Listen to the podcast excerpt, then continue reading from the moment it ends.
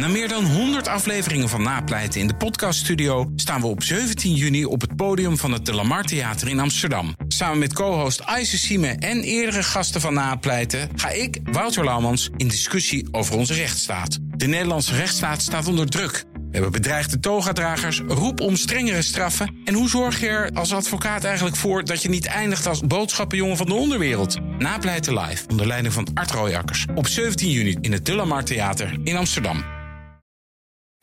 BNR Beter wordt mede mogelijk gemaakt door AstraZeneca. Wij verleggen de grenzen van de wetenschap. Voor patiënten en samenleving. Blijf scherp. BNR Nieuwsradio. Beter. Harmke Pijpers. Kun je je gezond voelen terwijl je een chronische ziekte hebt? Kun je plezier en vervulling ervaren, ook al weet je dat je nooit meer beter wordt? Het concept positieve gezondheid wil een bredere kijk op gezondheid, waarin niet alleen gekeken wordt naar de ziekte, maar naar een betekenisvol leven. Want ook dat is gezondheid. Daarover praat ik met Carolien van den Brekel. Zij is huisarts, trainer en mede-auteur van het handboek Positieve Gezondheid. Ja, positieve gezondheid, het klinkt wat optimistisch, wekt een bepaalde associatie bij veel mensen. Maar vertel, wat is positieve gezondheid? Nou, positieve gezondheid is eigenlijk vooral breed kijken naar gezondheid. Um, en het gaat over het vermogen om je aan te passen aan de uitdaging van het leven. Zowel fysiek, sociaal, uh, emotioneel. En, um, en de regie te voeren daarover en de veerkracht te hebben om daarmee om te gaan. En dat is bij uitstek wat ik iets zie dagelijks in mijn huisartspraktijk. En uh, in de COVID-tijd, nu vroeg ik mensen: wat is de impact van COVID op jou? En dat waren mensen die of fysiek ziek waren, of dat waren mensen die hun baan kwijtraakten. Dus het is echt iets over het leven. En het gaat dus over meer dan um, niet ziek zijn. Ja, klinkt meteen als iets waarvoor je behoorlijk moet vechten als je je baan kwijtraakt onder, uh, ten tijde van COVID. Uh, ja, nou, het gaat ook. In dit geval gaat het niet. Het is natuurlijk ingewikkeld. Het gaat niet over vechten, maar het gaat vooral over als mensen bij mij komen als, zorg, uh, als patiënt bij, bij, mij als zorgprofessional, over inzicht krijgen over hoe gaat het met iemand. Soms, soms hebben mensen fysieke klachten die voortkomen uit sociaal-maatschappelijke problemen. Ja. En dat zichtbaar maken, daar helpt positieve gezondheid enorm bij. En daar is een heel handige tool voor, zal ik je straks wat meer over vertellen. Oh ja. Het zijn allemaal zorgprofessionals hè, die positieve gezondheid toepassen. Wie zo al? Uh, nou, heel, heel breed kan het ingezet worden. Als uh, huisarts kan je dus goed dit gesprek voeren, omdat mensen laagdrempelig naar, uh, naar ons toe komen.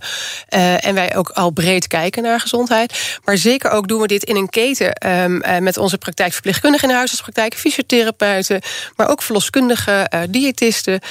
de specialistische jeugd werkt ermee in onze wijk. Dus het is ook een hele mooie vorm voor een gezamenlijke taal om op samen te werken. Dat we met z'n allen breed kijken naar gezondheid. Ja, het lijkt nu alsof gezondheid en positief samen één begrip is. Hè? Alsof gezondheid altijd positief is en niet gezond zijn dus altijd negatief. Maar dat hoeft niet per se zo te zijn, begrijp ik? Ja, ik zou er geen label positief of negatief aan hangen. Ik denk dat het voor iedereen heel belangrijk is om inzicht te krijgen. Uh, hoe gaat het met je? Uh, kijk ook, ja, ook eerlijk van wat is, wat is het wat je, wat je belangrijk vindt en wat heb je nodig. En ik word als huisarts heel vaak verrast als mensen dit ingevuld hebben zelf. Dat mensen zelf met oplossingen komen en dat mensen andere dingen belangrijk vinden. Uh, zo had ik een vrouw met een chronische ziekte die zichzelf een laag cijfer op lichamelijk welbevinden gaf. Maar die zei: die chronische ziekte die heb ik heel lang. Het gaat mij nu op dit moment om hele andere dingen. Er spelen relatieproblemen of uh, ik kan mijn kleinkinderen niet zien. En daar wil ik nu uh, een stap op zetten. Ja. Wat, wat geeft het jou om, uh, om hiermee te werken? Kun je ook in je eigen leven als huisarts en moeder deze principes toepassen? Nou, zeker. Ik ben heel erg van practice what you preach. Dus ja. uh, ik heb het ook zelf eerst eigenlijk geleerd, lang in het buitenland gewoond en gewerkt en daar gezien dat ziekte overal hetzelfde is, maar hoe mensen daarmee omgaan anders. En uh, ook daar elke keer weer stilgestaan, als ik of nou Japan of Amerika woonde, wat heb ik nou nodig om mezelf goed te voelen?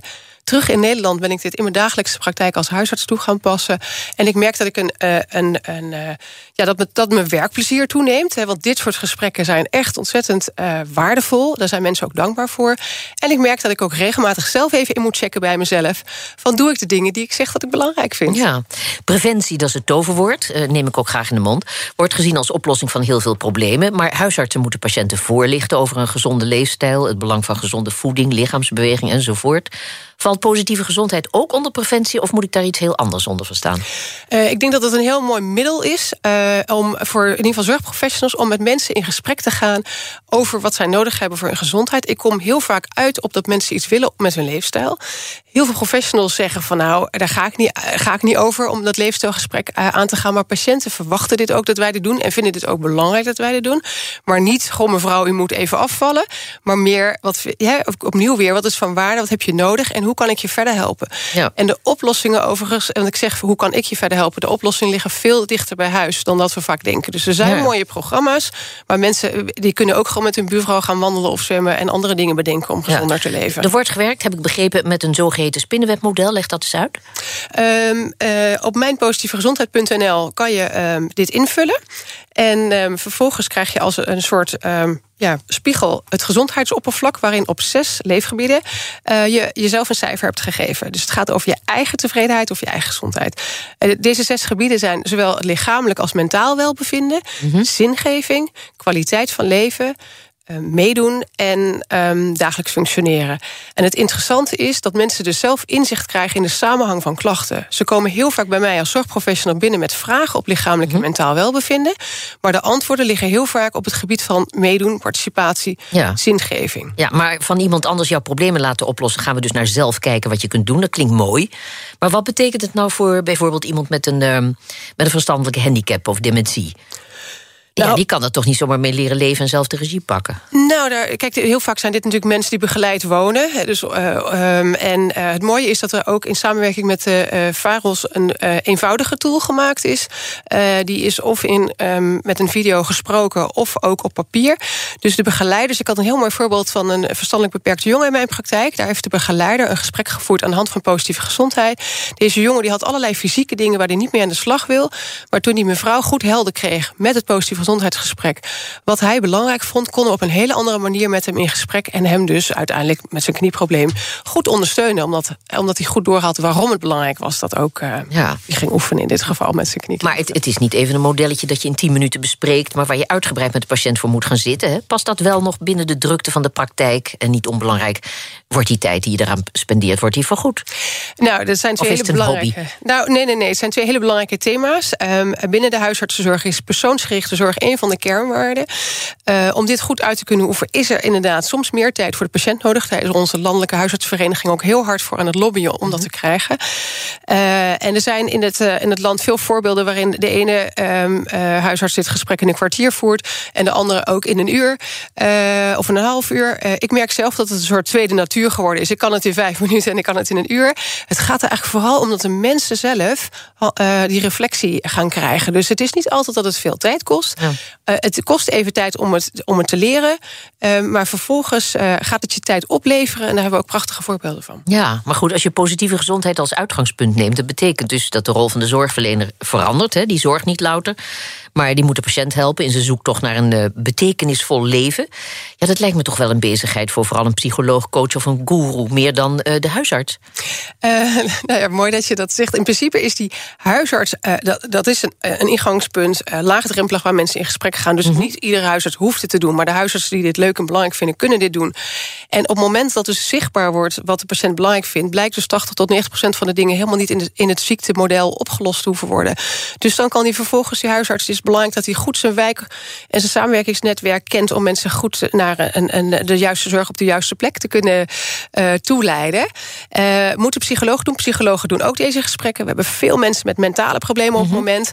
He, als ze zelf zicht krijgen op waar het zit, dan hoeft niet iedereen naar een psycholoog. Want veel oplossingen. We zijn ontzettend aan het medicaliseren in Nederland. Dus ik denk dat het ook belangrijk is dat sommige dingen ook bij het leven horen. Dat het belangrijk is dat mensen ook veerkracht ontwikkelen om daar handvatten te vinden om daarmee om te gaan.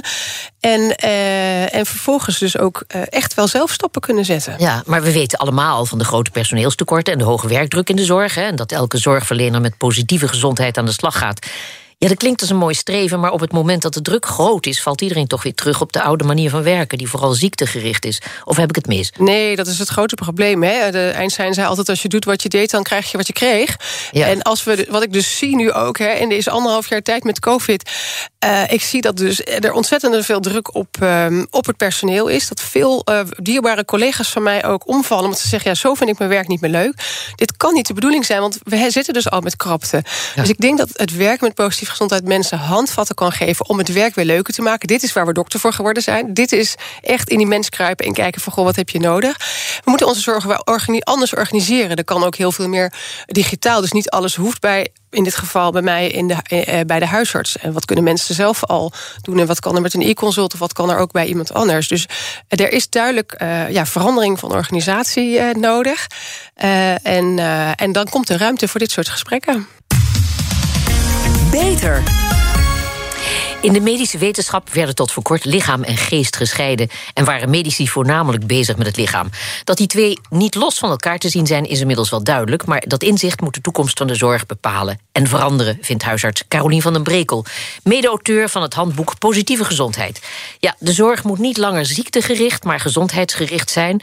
Dat klinkt als een mooie ambitie, maar er is ons huidige zorgsysteem nog helemaal niet op ingericht, toch? Um, we maken stappen. Uh, uh, op zich al heel mooi als je even op macroniveau kijkt naar de overheid. Uh, staat in het landelijke Nota Volksgezondheid, ehm, positieve gezondheid, werken vanuit gezondheid. Het staat in ontzettend veel gemeentelijke nota's. Maar we moeten wel doen ook wat we opschrijven. Ja, die nota's, dat wil wel. Ja, maar ik, het zou heel mooi zijn dat er in ieder geval het nieuwe kabinet ook uh, echt ruimte komt. En gezondheid is dan. Inter, dat gaat over alle departementen heen. Hè. Dus je zou eigenlijk een minister van Gezondheid moeten hebben. Kijk, wat nu ministerie van Gezondheidszorg is, het eigenlijk ministerie van Ziektezorg. Het gaat alleen maar over ziekte. 98% van alle financiën gaat naar ziekte. Dus we zouden. Het gaat, eh, als je dus een, een, ministerie, een minister van Gezondheid zou krijgen, dan heb je dus zowel met uh, uh, VWS te maken, je hebt met sociale zaken te maken, je hebt met financiën te maken, economische zaken onderwijs. Het zijn allemaal elementen waar het allemaal belangrijk is dat mensen duurzaam inzetbaar blijven. Dat jonge kinderen al vroeg leren om te kijken wat gezondheid is. Dus, dus daar moeten we echt met z'n allen uh, ja, ook daar breder organiseren. Ja, want ik wou zeggen, zingeving, welzijn, meedoen, prachtige waarden. Maar ja, de afgelopen twee jaar hebben we het tegenovergestelde gezien. Want uh, tijdens de coronapandemie uh, vereenzaamde mensen. Ze mochten geen bezoek ontvangen, stierven in isolement. Ik noem nu ook wel het zwartste wat er gebeurde, maar het was zo. Het leek wel of alleen fysieke gezondheid nog telde. Hè? Aan de rest kwamen we niet. Nou ja, dat is de keuze geweest van de overheid om alleen dat stuk te communiceren. Ja. Ik vind het echt een gemiste kans afgelopen anderhalf jaar dat we het niet gehad hebben. Ook over wat kan je wel doen. Dat is wat positieve gezondheid is. Maar toch? had dat gekund in die paniek die er toch was? En ja. dat iedere keer weer beleid afstemmen op de ontwikkelingen die ons ik, verrasten? Ja, ik snap dat het goed is verrasten. om één boodschap uh, uh, uit te sturen. Maar het gaat in de talkshows alleen maar... we gaan polariseren, het gaat ja. over wel niet vaccineren... het gaat -hmm. over de krapte, het gaat over wat er allemaal niet kan.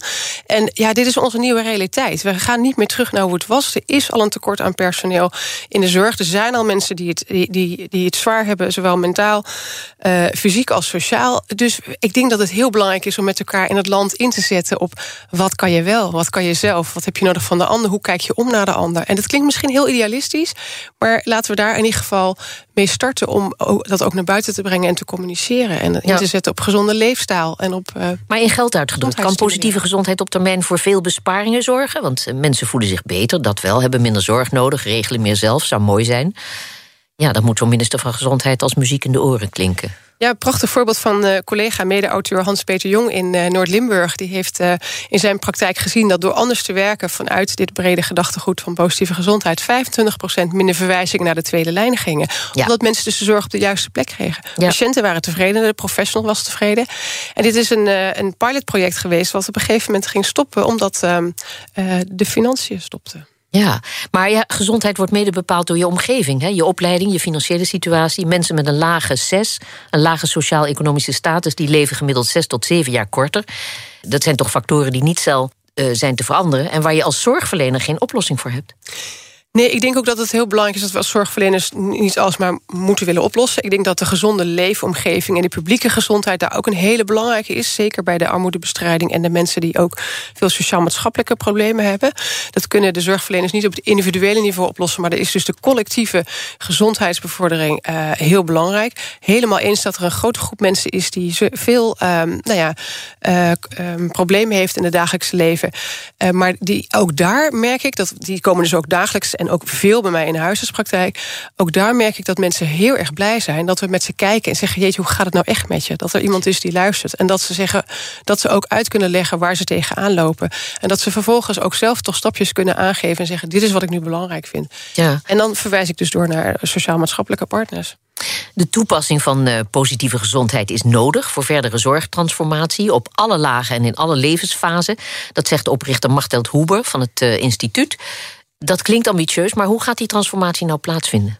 Uh, nou, die is in volle gang. Uh, wij zijn op verschillende lagen, zowel op het niveau van de burger, zowel op het niveau van de professionele organisaties, in regionale samenwerking en landelijk uh, bezig met de toepassing van positieve gezondheid, met de implementatie daarvan.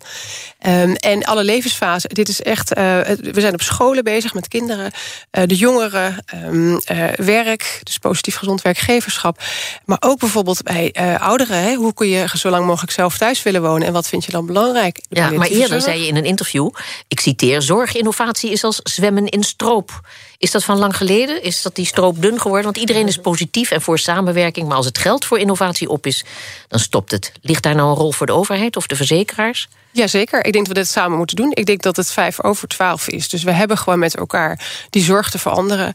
Uh, en daar zijn nieuwe dingen voor nodig. En dat, is, dat moeten we, we kunnen niet meer wegkijken. Ik denk dat we echt eh, met elkaar, de overheid, de verzekeraars, de professionals, de burgers, met een andere mindset, met het vertrekpunt vanuit gezondheid, van wat heb ik zelf nodig en welke stappen kunnen we zetten en hoe gaan we dat samen organiseren. Ja, ik, het, ook daar klink ik misschien weer idealistisch, maar ik denk echt dat we het op die manier met elkaar moeten gaan. Ja, nee, hou vol.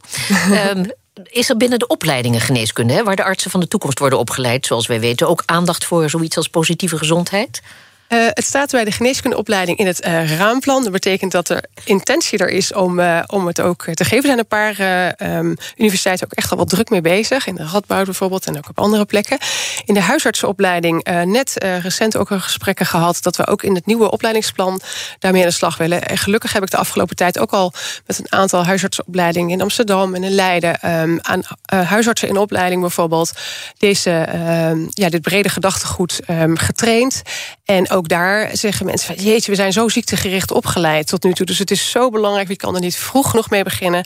Want dit is al die jonge dokters die zien dat ze een toekomst voor de boeg hebben... waar andere dingen gevraagd worden dan alleen maar het ziektemodel. Dus we hebben ook die contextgerichte, uh, persoonsgerichte zorg... Uh, en brede manier naar gezondheid kijken nodig. De mensen achter uh, positieve gezondheid die willen van Nederland één grote blue zone maken. Prachtig. Dat is een gebied waar mensen op een gezonde manier oud worden, zonder chronische ziekte en mentale aftakeling. Lijkt me fijn. Uh, maar zijn er al blue zones op deze planeet?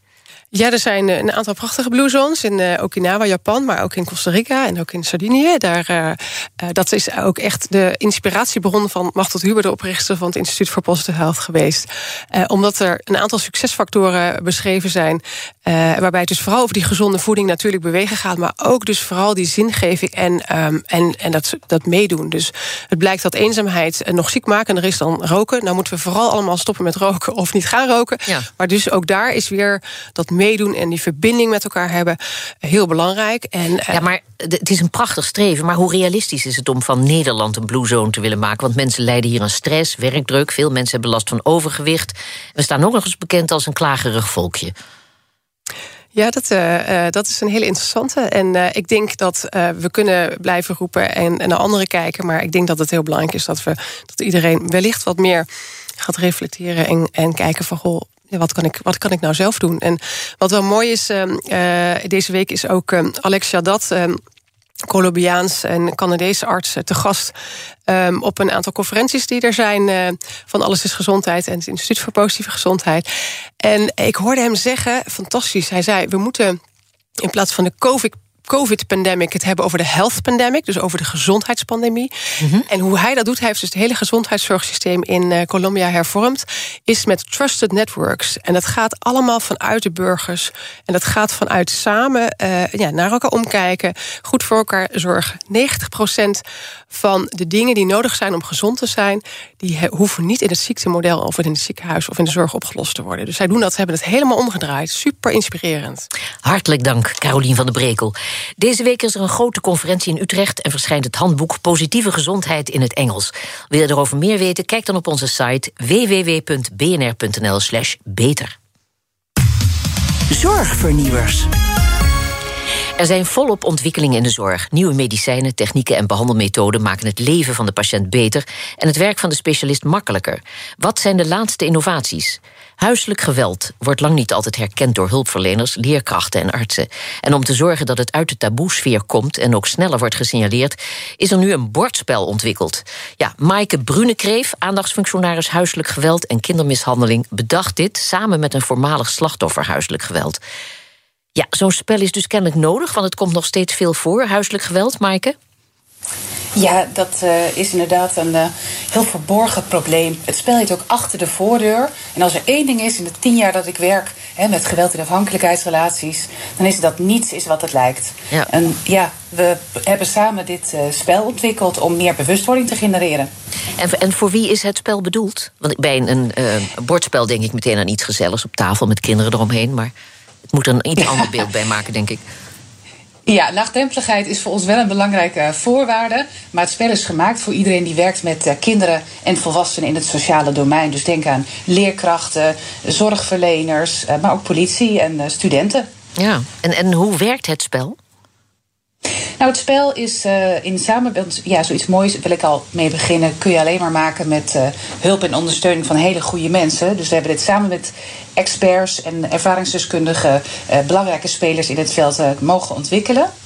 Het spel is eigenlijk een heel simpel, simpele manier, een bordspel waarin je in drie categorieën vragen terechtkomt. Dus je krijgt waar of niet waar, of een stelling over diverse vormen van huiselijk geweld of kindermishandeling. Ehm, de onderstroom is eigenlijk er is geen goed of fout. Het gaat echt heel erg over wat zie jij, uh, wat wordt je volgende stap, wat ga je doen, uh, wat vind jij erg. Um, omdat in de aanpak van huiselijk geweld en kindermishandeling het ontzettend belangrijk is ook om ja, verder te kijken uh, en door te vragen. En juist ook je eigen normen en waarden neem je daarin ook heel erg mee. Dus de nuancering hebben we echt gestopt uh, ja, in, in alle vragen en casus die er zijn. Daar helpt dit bordspel bij. Hartelijk dank, Maaike mm Brunekreef. Wil je meer weten over het bordspel achter de voordeur? Kijk dan op www.bnr.nl/slash beter. En tot zover deze uitzending van BNR Beter. Op bnr.nl slash beter is deze uitzending terug te luisteren... of on demand via de BNR-app en op uw favoriete podcast. We zijn ook op Twitter te vinden onder BNR Beter. Dus heb je tips voor ons? Laat het ons weten. Ik ben Harmke Pijpers. Graag tot een volgend spreekuur. BNR Beter wordt mede mogelijk gemaakt door AstraZeneca. Wij verleggen de grenzen van de wetenschap. Voor patiënten en samenleving. Ook Thomas van Zeil vind je in de BNR-app. Je kunt live naar mij luisteren in Zaken doen. De BNR-app met breaking news, het laatste zakelijke nieuws... en je vindt er alle BNR-podcasts, bijvoorbeeld Het Nieuwe Geld. Download nu de gratis BNR-app en blijf scherp.